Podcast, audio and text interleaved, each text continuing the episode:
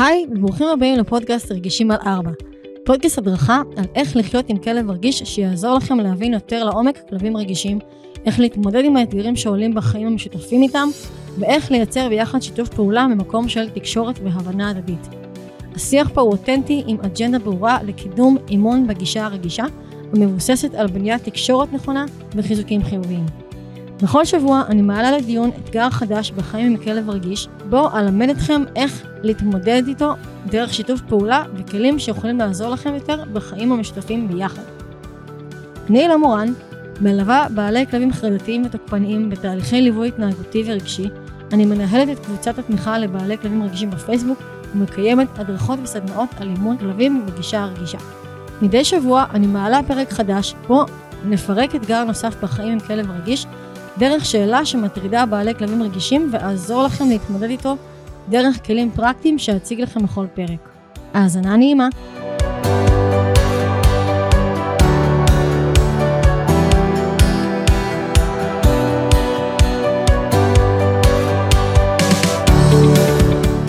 שואלים אותי הרבה גם בקהילה שלי וגם מחוץ לקהילה שלי והרבה אנשים שבסביבה שלי ויודעים שאני עובדת עם כלבים רגישים וגם שומעים את המונח הזה בלי סוף שואלים אותי מה זה כלב רגיש? איך בכלל יודעים? או איך בכלל מפענחים אם הכלב שלי רגיש? האם יש סימנים, סימנים או תכונות לכלב רגיש? איך יודעים אם הגור שלי הולך להיות רגיש? זו שאלה שמאוד נפוצה בקרב אה, אנשים שמאמצים גורים. אז היום בפרק אני הולכת לענות uh, על השאלות החשובות האלה. Uh, בסך הכל זה מושג שנולד בשנים האחרונות דרך האורחת שאני הולכת לארח היום, ותכף uh, תכירו אותה. Uh, אז מנהלתי את uh, קבוצת התמיכה לבעלי כלבים רגישים בפייסבוק. Uh, ובפרק הזה אנחנו ביחד נבין קודם כל איך מגדירים כלב רגיש, מה הופך את הכלב להיות כל כך רגיש, או אולי בעצם זה ספקטרום, אולי כל הכלבים בעצם רגישים.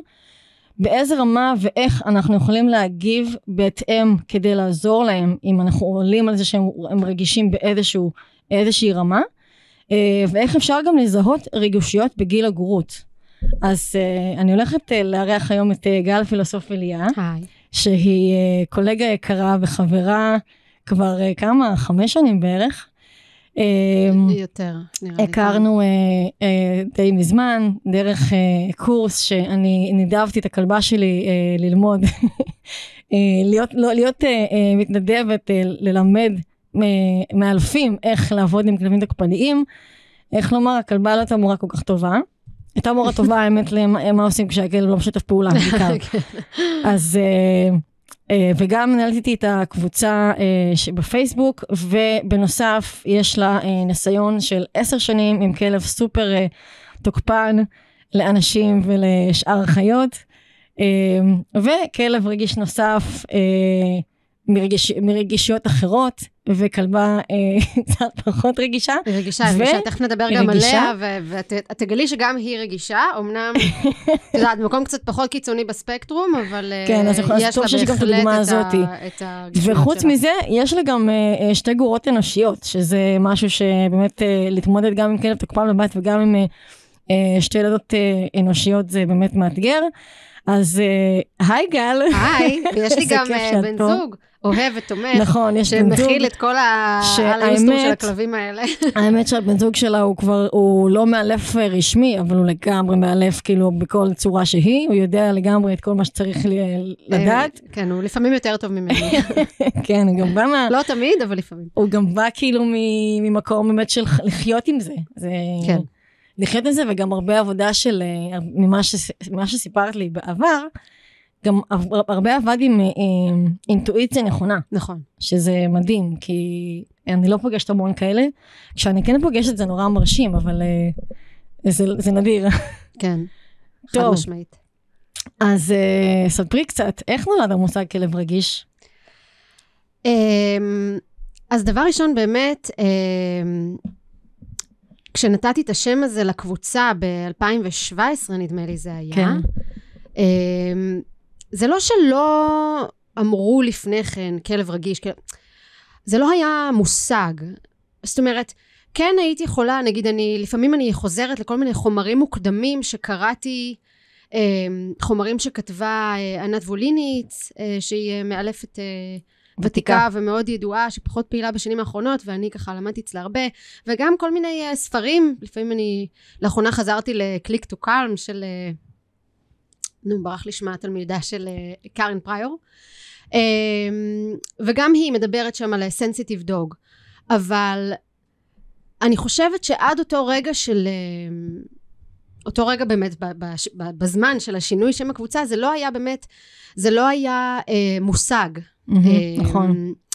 דיברנו על כלבים אה, רגישים אה, סליחה לא רגישים דיברנו על כלבים אה, ריאקטיביים דיברנו על כלבים mm-hmm. חששניים אה, תוקפניים חרדתיים כל מיני כאלה אבל כל אחד בעצם הייתה לו את הקטגוריה משלו והייתה הרבה אה, התרכזות בהתנהגות של הכלב כאילו באיך זה נכון, נראה, איך זה נראה כלפי חוץ אמ, ובעצם כש... כש...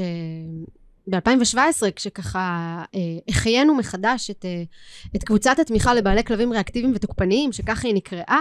כן, אה, שאני התחלתי לחפור שם. כן. אה, ואני ראיתי את השם הזה והוא לא הסתדר לי. כי קבוצת התמיכה לבעלי כלבים, זה, זה לא היה ה, זה היה קבוצת תמיכה לבעלי כלבים ריאקטיביים ותוקפניים, ומשהו בריאקטיביים ותוקפניים הזה... היה קשוח. זה עשה לי כאילו שיפוטי כלפי הכלב. איזה דרך יפה להסתכל על זה. כן, זה כאילו, כאילו משהו, כאילו אתה לא בסדר. אתה ריאקטיבי ואתה תוקפני ואתה לא נכון. בסדר. וגם באמת זה היה ממוקד מאוד בהתנהגות.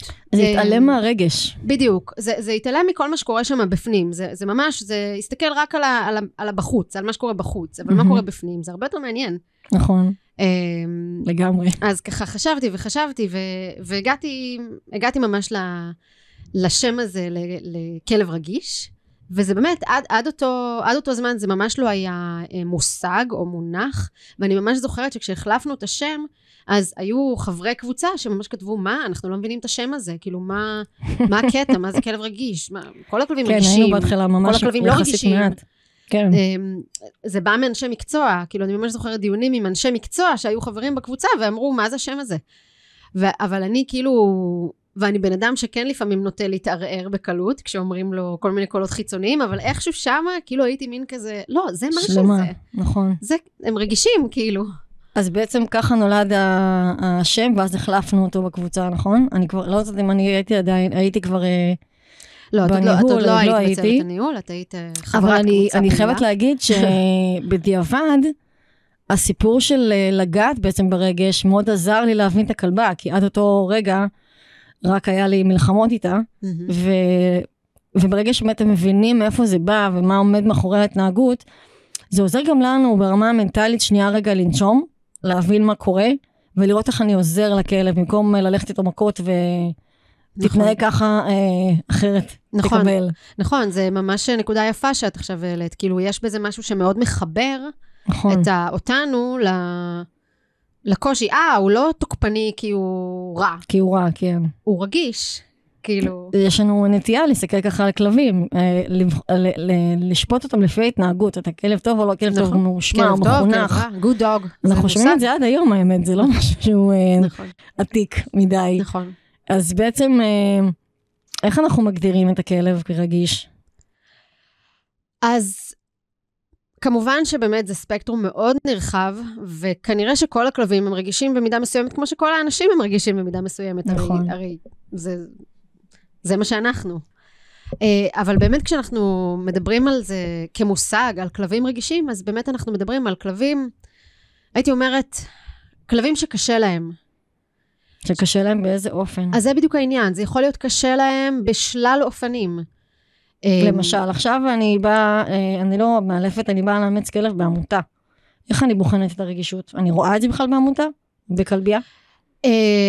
סביר, זה, שוב, גם זה, זה נורא משתנה. כי יש כלבים שכשהם בעמותה או כלבייה, הם, הם דווקא יראו, לא, לא יפגינו, נגיד, יהיו מאוד, אה, אה, יראו אולי אפילו אדישים, או, או סגורים, ומישהו לא מיומן עלול לטעות ולחשוב שהכלב הוא מאוד, אה, מאוד סבבי, מאוד יציב. כן.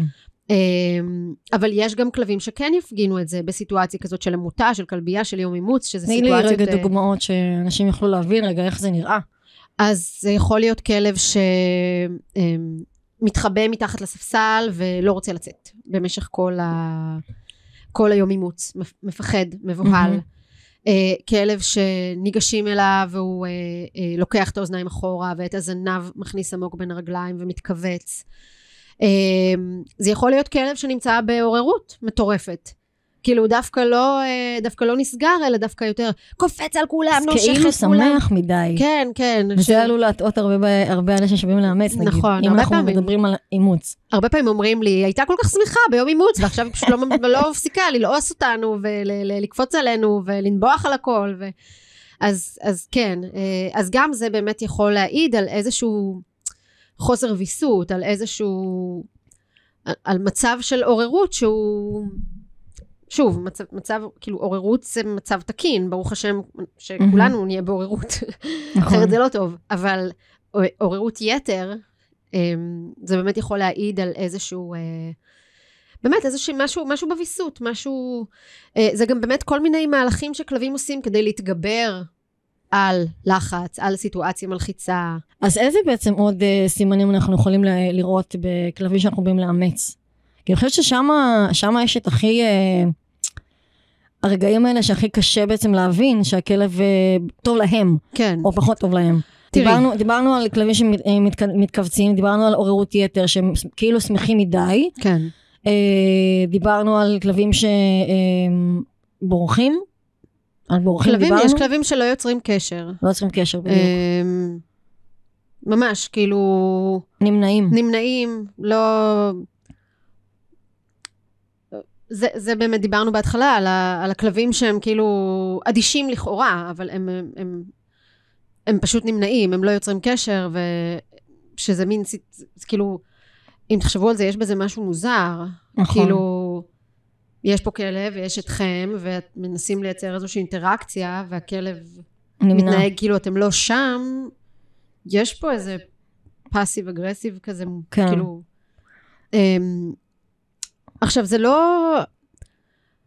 בכלל אני ממליצה שכל uh, תהליך של, uh, אימוץ. של אימוץ והכנסה של כלב חדש הביתה ילווה uh, באיש מקצוע. Uh, נכון. איש מקצוע בגישתנו ורגיש. ו- שמבין בעצם שמבין, את הסימנים האלה ויכול להמליץ האם הכלב הזה מתאים לאורח חיים שלהם או לא. בדיוק. Uh, זה בדיוק זה. זה לא אומר שהכלב רע או שזה יהיה...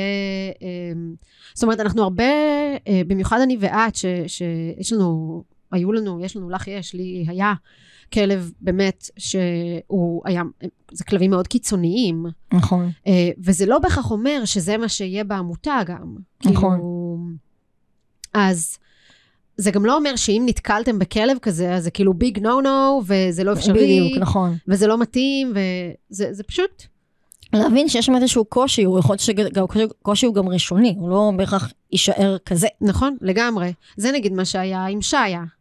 אה, כלבה ש... שיש לי עכשיו, שהיא לא בדיוק, היא לא אומצה מהעמותה, היא די נחתה אצלי בבית ללא, ללא שום תכנון. אה, ממש. כן, והיא הייתה מאוד מבוהלת, והיא לא הסכימה לקחת אוכל, שזה אגב עוד אינדיקציה. נכון. כלב, ש... כלב ש... שלא מוכן לקחת אוכל אה, ש... כשמציעים לו. אז גם הייתה נורא חשנית, היא לא רצתה לאכול, ניסינו לחבר לרצועה, היא לא, היא לא הסכימה, היא ממש פחדה מהרצועה. ואני כבר הייתי בטוחה שעל היוסטור, ואיזה עבודה עכשיו יש לי להכין את הכלבה הזאת לבית, כי היא הייתה אמורה בעצם להיות אצלי לזמן מוגבל ולמצוא בית. אמ, אבל תוך יומיים, שלושה, הכל כאילו הסתדר מעצמו. זאת אומרת, המשכתי להציע לחטיפים, באיזשהו שלב היא התחילה לקחת אותם, בשלב די מוקדם אפילו, אה, גם בחוץ. אה, המשכתי ככה להראות לה את הרצועה ולהכיר לה את הרצועה, וממש תוך יום-יומיים היא כבר כן, אנשים, ישיר, אנשים ישר רצים לשים את הכלב, את הרצועה לכלב. נכון. ולא חושב רגע, הוא רגע מכיר את זה, הוא לא מכיר את זה. יש איזושהי בעייתיות, זאת אומרת, זה לא שאני אומרת לא לאמץ מעמותות, חלילה, לכו תאמצו, ברור. אבל כן לבוא ממקום של שנייה להבין מה קורה, ולהבין שהכל נורא חדש לכלב, כן. והוא לא מכיר אתכם, ו... ו כן לבוא עם, עם איזשהו ידע בסיסי בקצת קריאת גוף, אה, קריאת שפת גוף וכאלה דברים. כן. Uh, עכשיו, בואו נדבר שנייה, uh, כשיש לנו כלב בבית, מה, מה האינדיקציה שבאמת כמה הכלב רגיש, איך אני רואה, כאילו יש איזשהו ספקטרום, אז בואו נעשה איזושהי חלוקה של uh, סוגי רגישויות, כי יש את הרגישים האלה שהם סבבה עם כל העולם, אבל נניח הם רגישים לרעשים. אה, גשם, זיקוקים, ברקים, רעמים נכון. כאלה, ואז הם נכנסים לחרדה, אבל נכון. בחוץ, או בכלל בחיים היומיומיים שלהם, הם סבבה. נכון. ויש את אלה שפתאום התחילו קצת, אה, אם זה להרחיק, אם זה חרדת נטישה, דברים שהם טיפה יותר... אה, אה, אז כזה, חושבת שנעשה איזושהי, חלוקה, שיהיה לאנשים יותר קל להבין בערך איפה הם בספקטרום, איפה הכלב שלהם בספקטרום. אמ, אז כן, אני חושבת שזה ממש, דבר ראשון, אמ, אנחנו רוצים לראות גם את התגובה של הכלב לכל מיני גירויים. אמ, ובאמת יש כלבים שילכו יותר למקום הנסגר, ויש כלבים שילכו יותר למקום הצועק החוצה, המתפרץ, המרחיק, המוחצן יותר. מהמם. אמ, יש כלבים שילכו יותר למקום המעורר, שזה באמת אחד הטע... אחת הטעויות הגדולות של אנשים, שהם חושבים שהכלב כאילו פרנדלי, כי הוא בא, הוא מקשקש בזנב, הוא קופץ על האנשים, אבל שוב, זה. אובר עוררות כזאת, מהמם. שיש שם... אמ, אז, אז זה גם העניין של איך הכלב מגיב לגירויים שאנחנו מזהים, שאנחנו יודעים להגיד, אוקיי, יש פה עכשיו בן אדם חדש, אוקיי, יש עכשיו רעם, אוקיי, אה, יצאתי עכשיו מהבית. כאילו, יש את העניין הזה של איך הכלב מגיב לכל מיני גירויים, ויש גם את העניין של איך הכלב מתנהג, גם ללא, ללא איזשהו גירוי אה, ש, שאנחנו יכולים לזהות, כאילו, יכול מאוד להיות שהכלב ראה משהו, שמע משהו, חושב שהוא שמע משהו, חושב שהוא הריח משהו, אבל אנחנו לא מודעים לקיום של הגירוי הזה במרחב, ואנחנו בעצם רואים רק את אה, ההתנהגות. יש המון סוגים של בעיות התנהגות, אבל הפרוגנוזה היא לא קשורה רק בבעיה עצמה. כאילו, היכולת שלנו, שלנו לעזור לכלב, או של הכלב להתקדם ולצאת מזה, היא לא בהכרח קשורה רק בסוג הרגישות, או באופי זה הרגישות. בעצם, נכון, זה בעצם מביא אותנו לה- להגדרה היותר מדויקת של מה זה כלב רגיש. איך אנחנו, חוץ מהבעיות המוכרות שאנחנו אה, מנינו עכשיו, איך את מגדירה הרי כלב רגיש? אוקיי, אז בעיניי הדברים שמאוד אה, רלוונטיים, זה אחד, זה הנושא של הסתגלות. היכולת שלו להסתגל למצבים חדשים, למקומות חדשים. עכשיו, כשאני מדברת על מצבים חדשים, אני מדברת באמת על...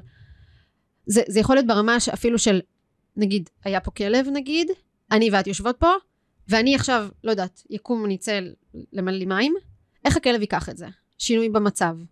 שינוי מצבים, נכון. יש כלבים שכאילו, whatever, נכון. ויש כלבים שזה כאילו ממש, אפילו זה, אפילו סיטואציה כזאת קטנה יכולה פתאום להתעורר מזה. לגמרי. אמ, אז גם הסתגלות למצבים חדשים, לשינויים במצבים. יש את הכלבים, גם אינדי היה כזה, גם את מכירה היטב את העניין הזה, הכלבים שחוזרים מטיול, ופשוט לא... כן. הכלבים מכירה. שחוזרים מטיול ופתאום נהיים תוקפניים. או הרבה פעמים, הכלבים שנמצאים אצלי בטרנקילו גם, זה כלבים שחוזרים מטיול ו- ו- ופתאום מאוד מעוררים. מתחילים לפרוק בבית, לרוץ בבית. אז, אז, אז אני אחזק את מה שגל אומרת ואני אתן את הדוגמה מהסיפור שלי. אה, בתחילת הדרך, כשמוקה הייתה אגורה, ושמעתי, הקשבתי לכל מומחי גינת הכלבים שאמרו לי שאני צריכה לפרוק לה מלא אנרגיה, בגלל זה היא תוקפת אותי כי היא צריכה לפרוק אנרגיה, אה, ולעשות לה טיולים מאוד ארוכים, עשיתי את זה, יצאנו לפארק ברמת גן, וטיולים של שעתיים, חזרתי הביתה, היא כמעט חוררה אותי מרוב שהייתה בעצבים ועוררות ותוקפנות. היא צברה כל כך הרבה מתח מהטיולים האלה, נכון. שזה פשוט, אה, זה, זה היה צריך להיות ההפך הגמור, לקצר לה את כמה הטיולים. שפחות. בכלל, כן. כלבים רגישים באמת, שהם אה, רגישים כאלה, רגישים לגירויים, מגיבים לגירויים ברחוב, ממש, כאילו, באמת, לקצר טיולים. עדיף, האיכות של הטיול הרבה יותר חשובה מהכמות בדיוק. והאורך. נכון. אה, וגם איתי זה היה עם אינדי, זה פחות אה, תפרנו אותו בקטע של פריקת אנרגיה, אבל המעבר הזה, המעבר מה, מהמצב של בחוץ למצב של בתוך הבית, לאינדי היה לו סוג של, לא יודעת אם קלסטרופוביה, אבל היה לו מאוד קשה עם מקומות סגורים, וברגע שהוא היה נכנס הביתה, הוא היה מתפלפ, כאילו... אז, אז זה גם העניין הזה של הסתגלות. הסתגלות למצבים חדשים, מעברי מצבים, גם אם זה מצבים הכי קטנים באמת, וגם כמובן, אני לא מדברת על מצבים גדולים, מעברי דירה, אה, כל מיני כאלה, אה, שזה הפרמטר הראשון, העניין הזה של היכולת של ההסתגלות. והפרמטר השני, שהוא חשוב מאוד בעיניי, זה העניין של יכולת התאוששות. תששות, כן. אה, איך אני יודעת? אם התאוששות- היא טובה, או אז הכלא שלי פחות רגיש, או התאוששות אה, היא אז קשה. אז זה באמת,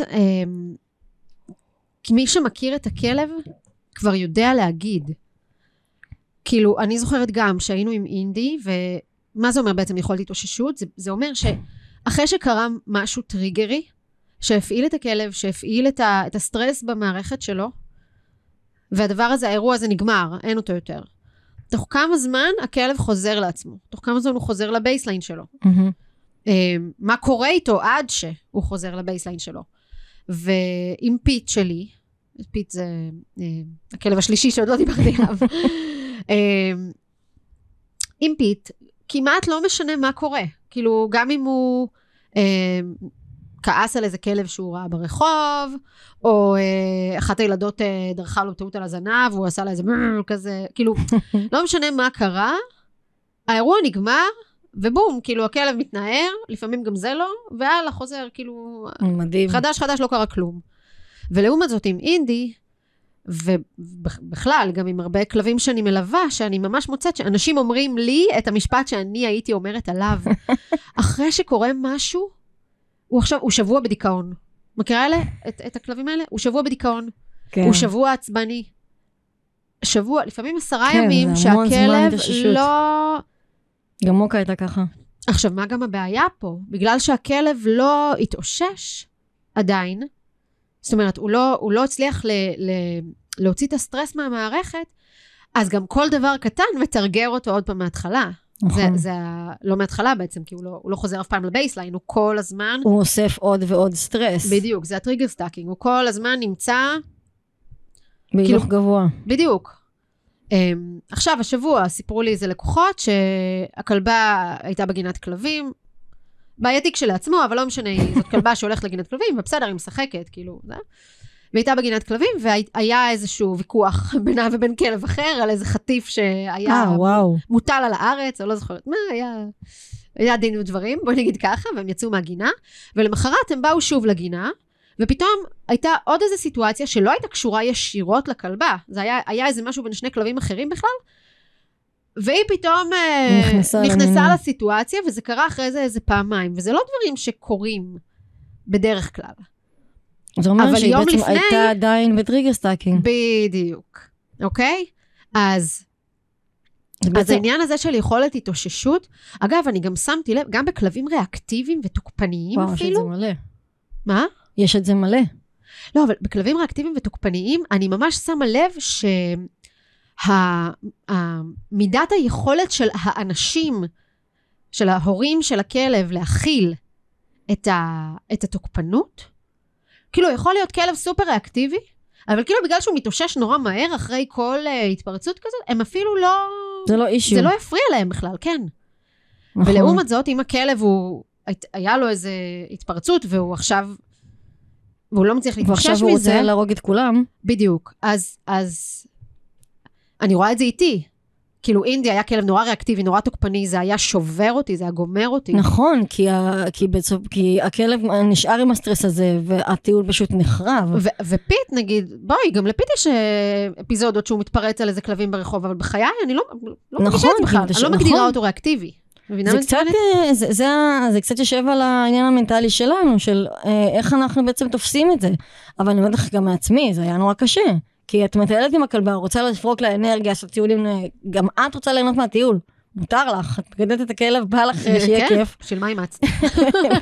שיהיה לך כיף, לא? מטייל עשר דקות, בעשר דקות ראינו שלושה אנשים, הלך הטיול, כן. נגמר, זהו, חוזרים הביתה. לגמרי. אז אני מבינה את ה... אז את צודקת, אבל זה, זה נורא מובן לי. זה עבודה מנטלית שהם צריכים לעשות, וכמובן לטפל בכלב? בכלב, ואנחנו נגיע למה עושים. אה, אז הגדרנו בעצם מה זה כלב, יש, יש עוד משהו שאת רוצה להוסיף? אה, אמרנו הסתגלות, ואמרנו יכולת התאוששות. זה בעיניי, זה הפרמטרים שלי. אני גם חושבת, אה, אני גם חושבת שזה פרמטרים מאוד משמעותיים. אני רואה הרבה את הקטע הזה שהכלב נשאר באותו מוד של, של סטרס שהוא צבר. זה הדבר הכי, הכי חזק שאני רואה, גם עם חדת נטישה, גם עם תוקפנות, גם רק עם כולם, עם כל הבעיות שאני מטפלת בהם, אני רואה את זה. גם עם הכלבה שלי. עכשיו שיש נגיד ימים יותר קשים של גשם, כל תנועה קטנה שלי בבית, היי, מה קורה? לאן את הולכת? כן. מה מה העניינים? כאילו נכנסת למוד של אל תלכי, נכון. אל תעזבי אותי עם הדבר הזה. נכון, אנחנו עכשיו בתחילת החורף, וזו תקופה, כן, זה תקופה קשה. קשוח מאוד. שוב, אה, אבל את יודעת מה, מעבר ל... לרעמים ולגשם, כאילו שזה מלחיץ אותם מבחינת הרעש וזה, זה, זה, זה שוב, זה העניין הזה של הסתגלות למצב חדש. נכון. עונה חדשה, ריחות חדשים, רעשים חדשים, אפילו האור עוד לפני משתנה. הגשמים, עוד לפני הגשמים, נכון. שהמזג אוויר מתחיל להתקרר, אנשים לא יודעים את זה. הם פתאום, פתאום יש איזה שינוי התנהגותי, הכלב נהיה, פתאום לא נכון. רוצה לצאת החוצה, פתאום יותר נתקע. חברים, זה המזג אוויר. כן, כן, ממש. כלל. וזה שוב, זה, זה ההסתגלות הזאת. ההסתגלות כן. עכשיו, עונה חדשה, אוקיי? נכון, ממש ככה. אה, אני די אה, חושבת שזה כאילו, זה, זה השתי נקודות הכי חשובות של אה, הגדרה לכלב רגיש. לא עולה לי משהו ספציפי, כי ישר כל מה שעולה לי כבר שולח אותי לבעיות התנהגות אחרות. אז קודם כל, את העניין הזה אה, נראה לי שהבהרנו על הגדרה של כלב רגיש. אני רוצה רגע לדבר על סימני זיהוי של רגישות אצל גורים, כי שם זה נקודה יותר, יותר קשה. הם לא תמיד מראים את הסימנים במלואם, הם לא, הם לא אה, עם ביטחון אה, לחשוף שיניים ולתקוף בדרך כלל, הם, זה לא תלוי. מוקס, כן, תלוי מי. בסדר, אנחנו יוצאים מנקודת הנחה שהכלבה שלי וגם אינדי, הם באמת קיצוניים, הם יוצאים מהכלל. אז יש כאלה, נכון, אבל זה לא הרוב. הרוב באמת, רוב הגורים, גם אם יש, הם רגישים, דווקא הפוך, הם פחות יראו סימנים מקדימים. אה, או סימנים שאנחנו מכירים אותם. אז תני לנו רגע אה, קצת דוגמאות על מה, מה אנחנו נראה אצל גורים. חוץ מנגיד יכולת הסתגלות שאני מבינה את זה. דבר ראשון, את אמרת בהתחלה שהרבה פונים אלייך ושואלים אותך, איך אני אדע שהגור שלי רגיש? אז זה מדהים אותי, כי דווקא בחוויה שלי הרבה פעמים, וזאת אחת הבעיות, לבעלי גורים אין את המודעות בכלל. בכלל. עשיתי על זה אמ, פרק שלם. כן? אה, כן, בשבוע. פה בפודקאסט? על אה, ר- אה, סימנים, סימני אה, ריאקטיביות בגורים, גם Mm. בטיולים וגם בבית. אוקיי, אז כן. פרק שתיים, כן. אוקיי, אה, אני, אה, אני מחכה לו בקוצר רוח. אז, אז דבר ראשון, כאילו, חשוב שלאנשים תהיה את המודעות, דיברנו כבר בהתחלה על לקחת ליווי, דיברנו על ללמוד שפת גוף קצת לפני שאתם מאמצים וזה, אה, וזה במיוחד חשוב לדברים האלה, כי הרבה פעמים באמת בעלי גורים, הם מגיעים לסיטואציה באיזה פנטזיה על מה הולך להיות בדיוק. מהכלב, והם עיוורים לחלוטין לפעמים לדברים מאוד ברורים שנמצאים מול העיניים שלהם, לפעמים גם דברים פחות ברורים, תכף נדבר נכון. עליהם, אה, אבל זה באמת חשוב להעלות מודעות, מודעות לעניין הזה, כי בתכלס, תקופת הגורות היא תקופה סופר קריטית. וואי, ממש. ואם הכלב שלכם הוא רגיש ויש לו, לו נטייה לרגישות, והנטייה הזאת יכולה להיות נטייה שהיא אה, אה, גנטית, או אה, אה, לא יודעת, סביבתית, כאילו אם אתם גרים באזור אה, בעייתי לגידול כלבים כמו נגיד תל אביב וכזה, אבל אם אתם תהיו מודעים מההתחלה לדברים האלה, ואתם תנהלו נכון את, ה, את הגור ואת הרגישות שלו, אתם תפחיתו בצורה מאוד משמעותית את, ה, את מה שיהיה ממנו שהוא יגדל, כאילו את, את הריאקטיביות. את ה... הקטע המצחיק הוא, בהקשר למה שאת אומרת, שהם קודם, מצד אחד הם אומרים כאילו, הם לא מספיק מודעים. מצד שני, יש את אלה שדווקא מודעים ורוצים נורא להתחיל ממש טוב כדי שהגור יהיה פיין בסוף, יהיה כלב נהדר ומאוזן. ואז מה הם עושים? חשיפה. מלמדים אותו פקודות, חשיפה, מציפים אותו.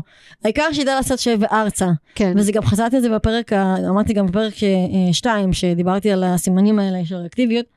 וואלה, זה הדבר האחרון שאתם צריכים למגורים. לגמרי. אתם צריכים לבנות, לבנות להם ביטחון, להבין אותם, להבין אותם. בול. ומה שמדהים שזה דווקא האוכלוסייה שהכי פחות משקיעה בעבודה התנהגותית ורגשית. זה זה נכון. מטורף. לפעמים- הם לרוב לא לוקחים בכלל מהלב. לא לוקחים כלום. זה האוכלוסייה בסדר. שהכי צריכה את העבודה הזאתי. חד משמעית.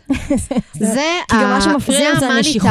הנשיכות הכי קשה, אה, והטרפת ערב, וטיולים אם הוא נתקע או לא רוצה לעשות טיול. זה כבר נקודה אה, לשים לב אליה ונורה אדומה. שלושת הדברים שאמרת. כי נשיכות אם הן מוגזמות, נכון. אז, אז, אז זה כואבת לו מנבא, הבטן. או שכואבת לו הבטן, או שהוא באמת רגיש, כאילו זה גם יכול נכון. להיות, את יודעת, גם יכול להיות שהתקשורת של לגור מול המשפחה היא כל כך לא טובה, והוא נמצא בכזה תסכול מולם כל הזמן, וזה יצא ככה בנשיכות האלה. חוסר רצון לצאת לטיולים, obviously, בעיה. התקעויות, יש כאן. בעיה, יש, יכול להיות שזה בעיה עם הרצועה, יכול להיות שזה בעיה עם הסביבה, יכול, יכול להיות שזה הכל, יש בעיה, זה לא ייפתר מעצמו.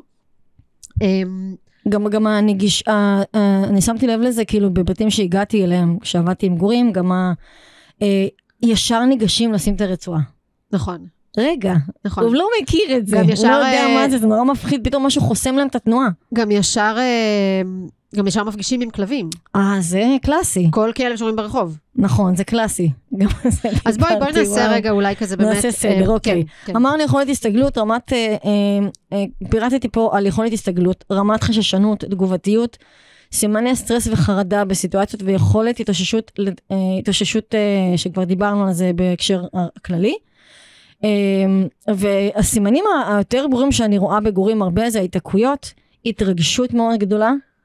תגידי, מה זה מול היתקעויות? היתקעויות שהכלב נתקע באמצע הרחוב או יושב או פשוט עומד. זה יכול להיות ממלא דברים, תכף את תפרטי. כן. אה, התרגשות אה, שקשה להם אה, לווסת ולהירגע. זה משהו מאוד נפוץ בגורים, וכשזה, וכשככל שלגור יותר קשה לווסת ולהירגע, ככה אתם יודעים שהרמת רגישות שלו יותר גבוהה. להסנות חזקה, כגורים שמחפשים ללעוס כל הזמן, אנחנו תכף נגיע לזה. אה, נביחות וסימני הרחקה בגיל צעיר, זה כבר באמת אה, סימן שהוא יותר קשור לקיצוניים שבחבר'ה.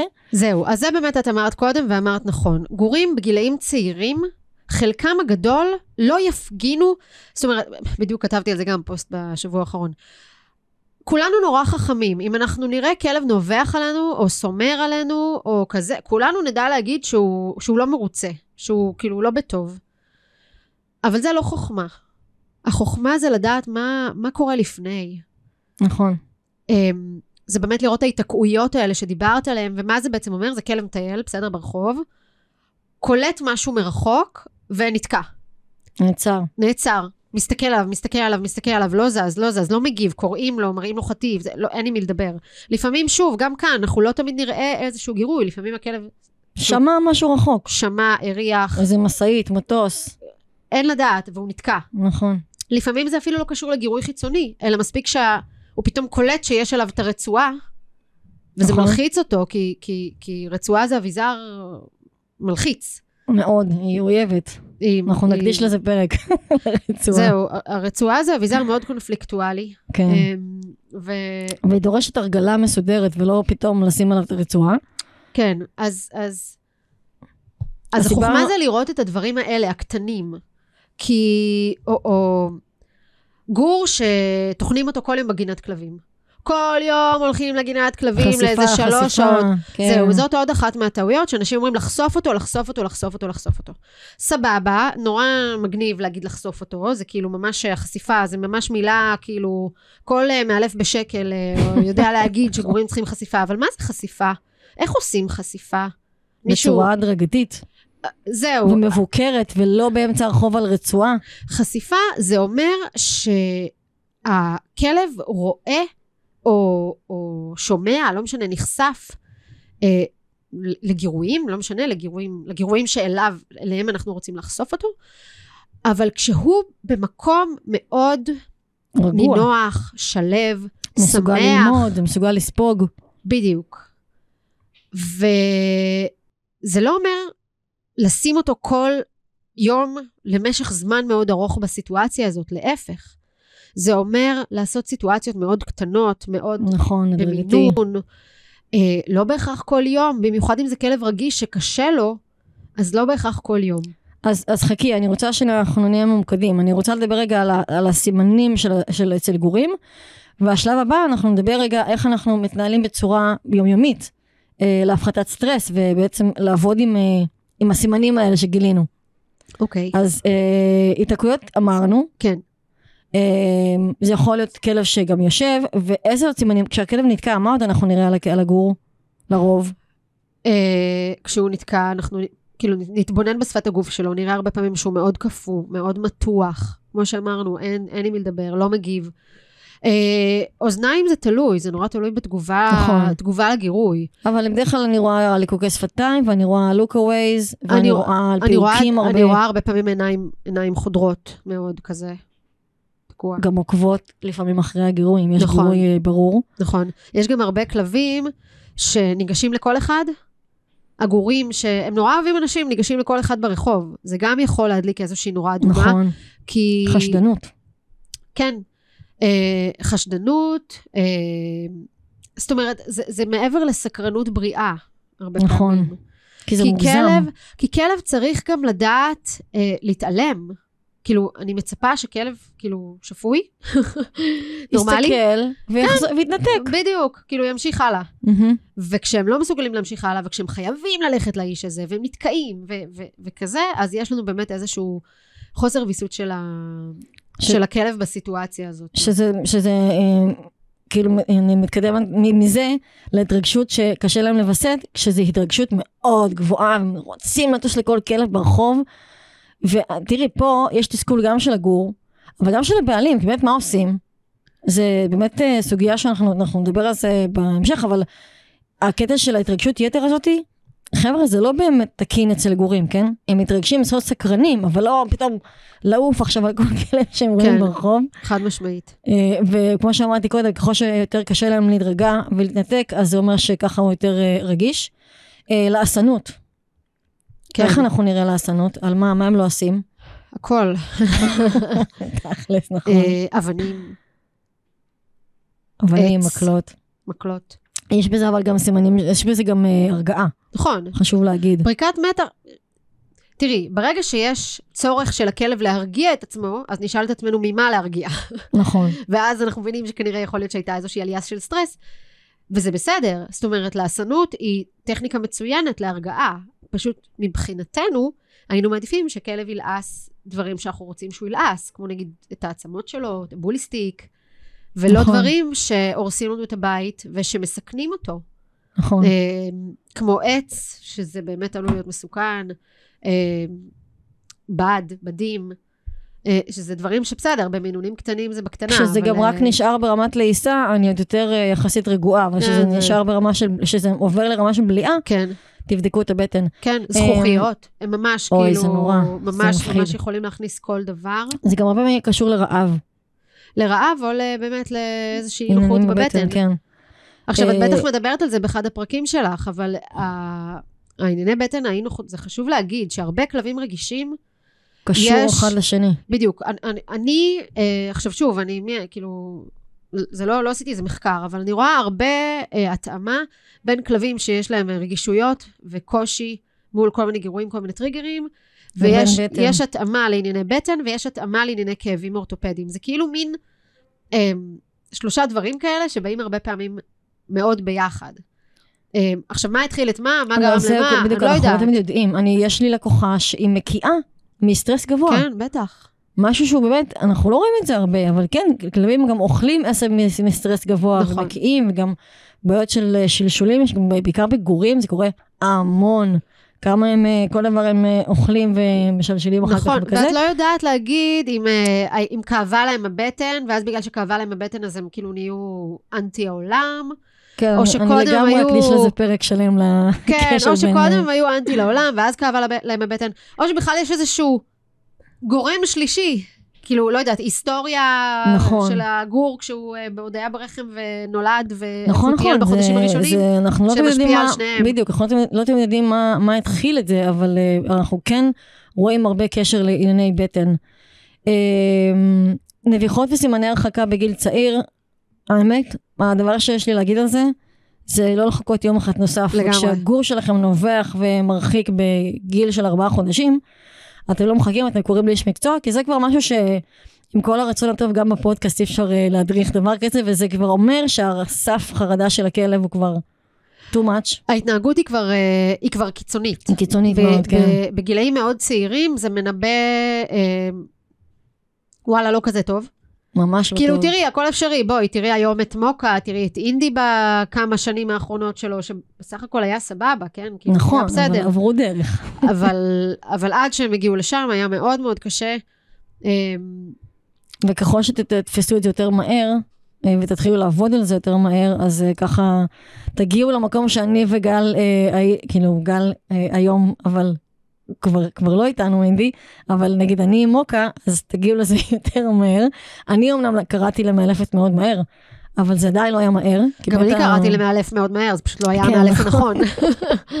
אז אני קראתי למאלפים נכונים, אבל עדיין, את יודעת, את את הכלבה, ועדיין לקח המון זמן, כי היכולת למידה שלה הייתה מאוד מאוד מאוד נמוכה. וגם בונות את החשק לעבוד וללמוד. אה, אז בואו נדבר רגע על אה, התנהלות יומיומית להפחתת סטרס. מתי אנחנו יכולים להוסיף סטרס בטעות?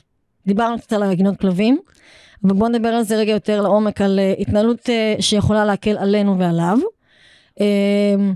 והתנהלות שאנחנו חוטאים בה, בעלי, כלב, בעלי כלבים חוטאים בה יותר מדי. אני רשמתי לי כאן דוגמאות שאנחנו מאוד אוהבות, ישיבה מול גירוי.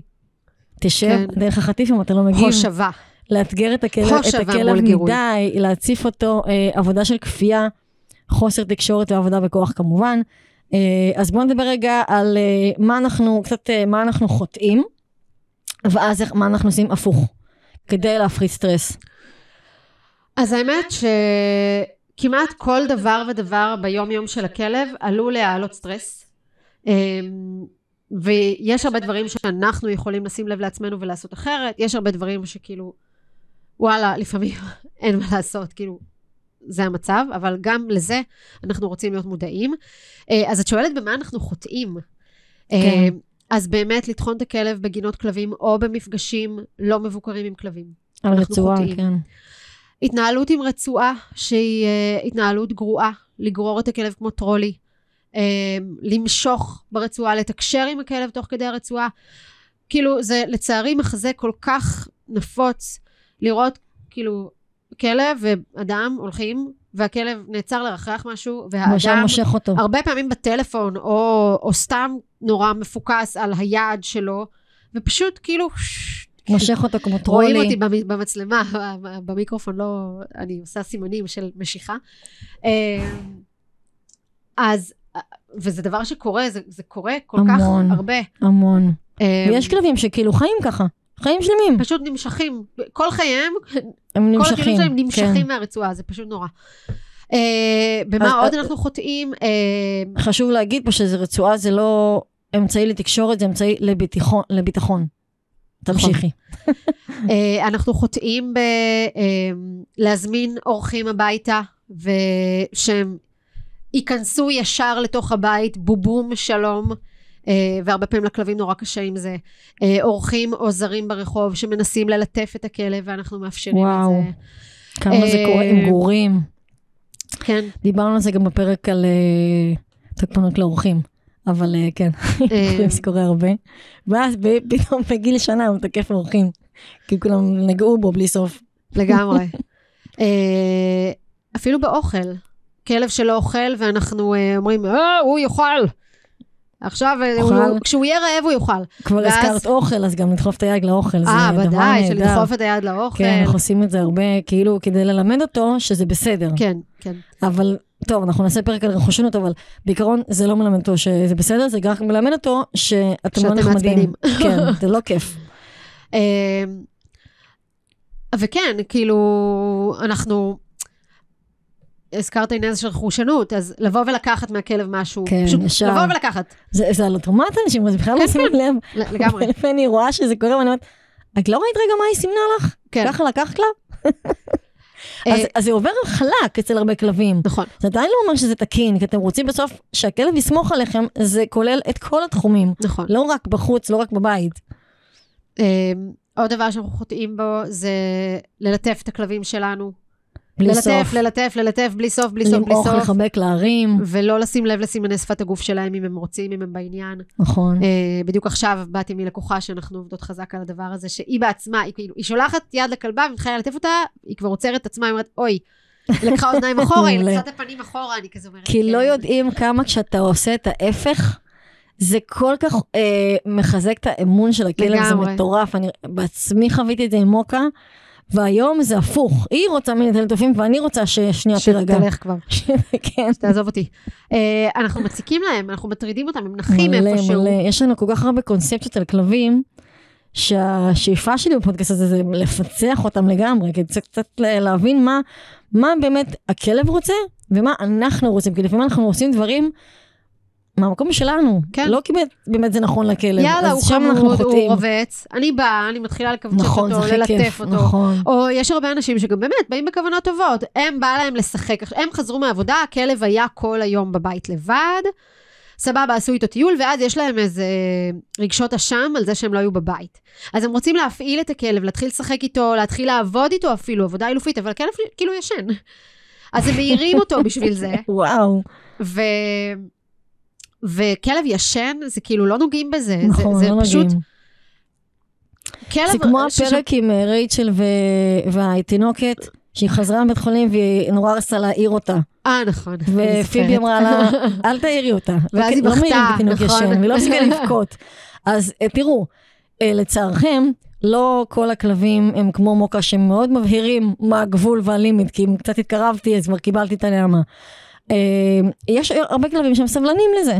אה, אבל זה באמת אחד הדברים אבל זה שהכי מוסיף סטרס. אחרת, זה יתבטא יתבטא אחרת. אחרת. הם יהיו יותר מעורערים, הם לא יצליחו לישון טוב, הם לא יצליחו לווסת את המנגנון אה, ערות ושינה שלהם.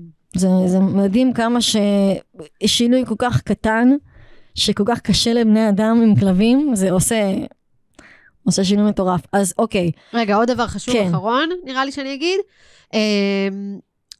אמ, אז אה, דיברנו קודם באמת על העניין של, של טיולים ארוכים מדי, ופריקת אנרגיה שהיא כבר לפרוק לכלב את הברכיים.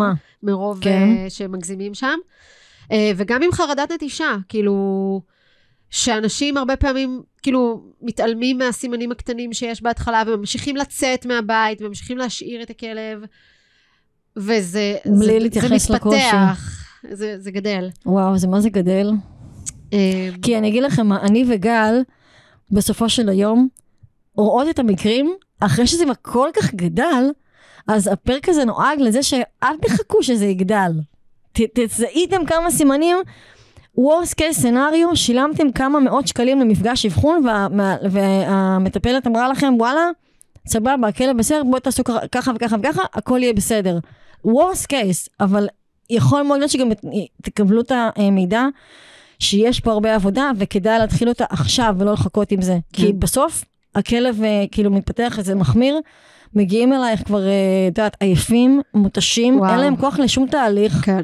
והסוף של הכלב, אנחנו יודעים מה יכול להיות הסוף של הכלב. כן. אז נכון, אילוף זה באמת לא משהו אה, אה, זול, אבל אתם רוצים משהו טוב, אתם רוצים שבסוף יהיה לכם חיים כיפים עם הכלב, אז תשקיעו בזה בהתחלה, זה... אני לא יודעת, את, את אימא לילדים, זה קצת, זה אותו דבר, לא? כאילו, אני לא אמסור את הילד כנראה, לא, ברור. את לא אבל, תמסרי את אני לא הילד. הילד, אבל, אבל נורא חשוב לי שגם הילד יהיה ב, יחיה ברווחה, ויהיה לי קשר טוב איתו, ושמישהו מציג לו בגן, הוא יבוא ויגיד לי, ולא יפחד מלהגיד לי דברים כאלה. לגמרי. זה בדיוק העניין הזה של בניית הקשר. כמובן שגם ל- לאנושיים יש הדרכות הורים, בדיוק. וגם יש באמת כל מיני גישות. יש כאלה שאני פחות מתחברת ומסכימה עליהן. שתינו, כן. יש כאלה שאני לגמרי שם, ואני גם רואה את הפלאים שזה עושה... תראי, אני יכולה להגיד לך, אני... הבת הגדולה שלי, שהיא הייתה לבד, היה רק אותה, וואו, כאילו, אני טופחת על עצמי על השכם, וואו, עבודה מדהימה עשיתי איתה, הילדה פצצה. הקטנה, שוואלה, אני כבר אימא קצת יותר עייפה, ויש לי עוד ילדה גדולה בבית, אני כבר פחות מקפידה על כזה, על מה אני עושה, על מה אני אומרת, ולפעמים אני מוצאת שאני, יוצאים לי מהפה משפטים שאלוהים ישמור, עם הגדולה בחיים זה לא היה יוצא, ואני רואה את ההבדל בחיי, בחיי. אז... אמ, אז, נכון, זה, אמ, אני גם רואה את זה היום, תראי, אני, נכון, אני לא אימא, אה, זה לא מתוכנן, אבל אה, אני כן רוצה להגיד לך בהקשר הזה שאני אה, בדיוק השבוע נתקלתי בזה בשני אבחונים שהיו לי, וראיתי איזה הבדל זה להגיע לבית שהכלב לא עבר קמצוץ אחד של ענישה, והקשר עם הבעלים הוא מטורף. נכון, יש שם בעיות, כי הם לא יודעים לנהל את הדברים היותר מאתגרים, אבל סך הכל, ש- פגשתי שני משפחות, שבשני המקרים, לא, לא אין, שם, אין שם ילדים, אבל בשני המקרים, כל כך uh, התנהלו מתוך מקום של אינטואיציה. וזה מדהים איזה, איזה אמון יש שם עם הכלב, זה מטורף. אז יש. בעיות, אבל הרבה יותר קל, הבסיס הוא כבר, אפילו אם, אם אחד בכלל לא הייתי צריכה ללכת על תהליך כל כך uh, ארוך. אמרתי לה, בואי, קורס, זה מה שאת צריכה. זה טור, לא צריך מעבר לזה. כן, Uh, זה מדהים לראות את ההבדל לעומת מצבים שאת מגיעה כבר וה... כן, כן. הכל שם uh, התחרב. וצריך לבנות הכל מחדש. אבל שוב, את יודעת, זה לא רק הענישה כל כך, אה, לפעמים באמת, זה כאילו, לא צריך ענישה כל כך קשה נכון, בשביל אה, נכון, נכון, לפגוע בדיוק. ב- במצב של הכלב. מספיק שלא הייתם קשובים. נכון. מספיק זה, שלא זה ניהלתם הרגיש. סיטואציה. נכון, זה הכלב הרגיש, שאתם יכולים אפילו להגיע למצב של ויכוחים בבית, והוא פתאום מתקפל. כן, וזה לא קשור אליו בכלל. בדיוק, זה קשור אליו. אה, אגב, מוקה, שאני אפילו נגיד אה, אה, יותר קולנית בטלפון, היא כזה, מתכווצת. מה קורה? כן, על מי את צועקת? כן, זה ממש משפיע עליהם. או שאני בסטרס, בלי קשר לצעקות, גם אני מרגישה את זה, ומגיבה. אז בואו נדבר רגע על אה, התנהלות, התנהלות יותר נכונה. כן. אה, אני חושבת שהדבר הראשון, אה, הדבר הראשון שצריך לעשות, חד משמעית, זה ללמוד שפת גוף של כלבים, וללמוד. את שפת הגוף של הכלב שלכם. אה, בדיוק, גם, זה הפוסט שכתבתי עליו השבוע. אה, גם ללמוד את שפת הגוף של הכלבים, ללמוד ספציפית את שפת הגוף של הכלב שלכם, ולהתחיל להתייחס לזה. כי זה שאתם יודעים שהוא אומר משהו עכשיו, אתם רואים שהאוזניים אחורה והעיניים, אה, הוא, הוא מפנה, מזיז את המראה הלבן של העין, אתם רואים את זה ואתם אומרים, אה, לא בא לו, אבל אני אמשיך ללטף אותו, אז זה לא עוזר, זה לא עוזר, שאתם, בדיוק. אה, זה, זה שידעתם נכון. לראות את זה. זה. זה לראות את זה, לזהות את זה ולהתייחס לזה. נכון. זה הדבר הראשון, להבין באמת מתי הכלבים שלכם לא בטוב, לא מרוצים, אה, קשה להם, ולתת לזה איזשהו יחס. הדבר השני, זה באמת להבין מה מלחיץ את הכלבים שלכם. לעשות רגע איזשהו רשימה, טבלה. רשימת טריגרים, כן, להבין מה, מה לא בא לכלבים שלכם בטוב, וזה באמת יכול להיות החל מצעקות בבית, שלא קשורות אליו בכלל. דרך אה, אה, טיול אה, במסלול אה, הזה והזה, בניגוד למסלול השני. זאת אומרת, ממש ל, ל, למקד את הדברים שהם אלה שמקשים על הכלבים שלכם, הם אלה שמכניסים אותם ללחץ. אחרי שאנחנו יודעים מה הם הדברים האלה, אנחנו נרצה להימנע מהם עד כמה שניתן, ובמקביל לבנות איזושהי שגרת יום שהיא שגרה נכונה. כאילו, כלב שקשה לו בטיול, אז בואו נצמצם את זמן הטיול, נשנה את מסלול הטיול. כלב שלא ישן מספיק ולא נח מספיק, בואו נבדוק למה. בואו נבדוק למה, בואו נעזור לו להיות קצת יותר רגוע. כמובן שלבדוק את מצבו לא, לא הזכרתי, אבל זה... מצבו התזונה מצבו ובריאותי. הפיזי. נכון. להבין כאילו מה, מה קורה איתו מהבחינה הזאת, וכבר אמרנו שלהרבה כלבים יש קושי שם באמת בנקודה הזאת. אמ, אז, אז זה באמת כאילו הימנעות מסטרסורים. הימנעות מסטרסורים, אה, פחות לאתגר את הכלב ולהגיד, אה, בוא תתמודד. הוא לא מתמודד כשזה בשוטף של החיים, הוא בדיוק. מתמודד שאתם מלמדים אותו איך בסשן שהוא יותר מובנה ומבוקר. וגם הסשן המובנה והמבוקר, אנחנו כאילו עוד לא שם. קודם כל תמזערו סטרסורים, נכון, תבנו. שגרת יום טובה ונכונה, תחזקו את הקשר והתקשורת איתכם, כי אם הקשר והתקשורת איתכם חרא, אז זה זה, לא לא יעזור שאתם תעשו. סשן. עכשיו. נכון. זה לא יעזור, כי הוא לא בא לו לעבוד איתכם, הוא לא, לא סומך עליכם, כאילו. המפתח פה זה בעיקר אה, להבין את הכלב. לגמרי. כאילו, להבין את הכלב. ותראי, יכול להיות שאנשים ישמעו ויגידו, אה, מה זה להבין את הכלב? הוא לא צריך להבין אותי, או כל מיני קולות כאלה של איפה זה, איפה ההדדיות פה, אז אין לא, הדדיות. הוא- הוא סבבה, אין כלב. בעיה, בוא נראה, תיתן לה, אין בעיה, תנו, תבואו בגישה הזאת, נראה לאן נגיע, הכל בסדר. כן, בדיוק. ממש לא. אמ, כמו עם הגור, בן שלושה חודשים עם החנק, טוב, נדבר על זה אחר כך. נשמע נפלא. נשמע נורא. אה, לא, אז אני, אני לא יודעת אפילו אם זה מגיע מחוסר מודעות, או מזה שכאילו זה נורא נוח, שהכלב פחות מושך, כי מופעל עליו כוח. אז הגור פחות מושך עכשיו, כי יש עליו חנק, וזה נורא נוח. הוא לא חושב רגע עוד צעד קדימה, מה זה יכול לעשות שכואב למה, לו? למה הוא לא מושך? כאילו, כן, נכון. אה, הסברתי, לא הייתה שם רוח הקשבה, אבל אה, כן. אני נורא מקווה שהוא שומע את הפרק. אה, אוקיי, אז בואו נדבר שנייה על עזרה חיצונית של הרגעה, אם צריך. מתי אנחנו יודעים שבכלל צריך לשלב איזשהו טיפול הרגעה, ואני מדברת כמובן על טיפול טבעי או אה, טיפול תרופתי. אה, מי שעדיין לא מכיר את הסיפור שלי, הכלבה שלי התחילה לקחת אה, תרופות אה, אה, פסיכיאטריות בגיל סביב השמונה חודשים, ואני חייבת להגיד, כמו אומרת ללקוחות שלי, שאני מגיעה למקרים מאוד קשים ומדברים על העניין הזה, וואלה, היא לא הייתה איתנו בלי התרופות האלה. זה משהו שאפשר לה באמת ללמוד, כי הכלבה הייתה נטולת יכולת למידה, גם תקופה ארוכה אחרי הכדורים, פשוט עד שהזענו וזה, וגם הרמות עבודה שהיינו צריכים לעבוד איתה היו כל כך קטנות, כן. שזה היה נורא נורא מתסכל, מאוד, ההתקדמות שלה הייתה... בכל- ב- אפילו לא baby step, אני זוכרת. את ה... אז כן, אז אה, בוא, בוא נדבר על זה רגע, גם אה, אינדי היה עם תרופות. כן.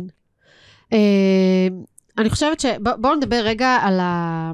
על הצ- הצד של ההורים, הצד של כן. הבעלים. מעולה. עוד לפני שאני רגע מסתכלת על הכלב, אם הבעלים כבר מגיעים, היה לי עכשיו לפני שבוע או שבועיים היה לי מקרה כזה, כשאני הגעתי לאבחון וראיתי בסך הכל כלבה צעירה, כלבה שעברה ענישה קשה, אה, אבל בסך הכל כלבה צעירה, כלבה שמוכנה ללמוד, שמחה לקחת ממני אוכל, היא התרגלה עליי תוך שנייה בחוץ. אחרי זה עליתי הביתה והיא התפנקה עליי, כאילו באמת, כלבה, לגמרי היה עם מי לדבר שם. Mm-hmm. אבל כעבור משהו כמו יומיים, הלקוחה שלחה לי הודעה וכתבה לי, תקשיבי, אנחנו על הקצה, משהו חייב להשתנות, אנחנו לא יכולים להמשיך לגדל אותה ככה, כי היא מתפרצת כאילו כזה על הכל בחוץ, וכזה. אני גם הורדתי את הענישה, אז גם הייתה איזה... רגרסיה. הייתה איזה כן. רגרסיה, התחילה לעשות צרכים בבית, לא משנה.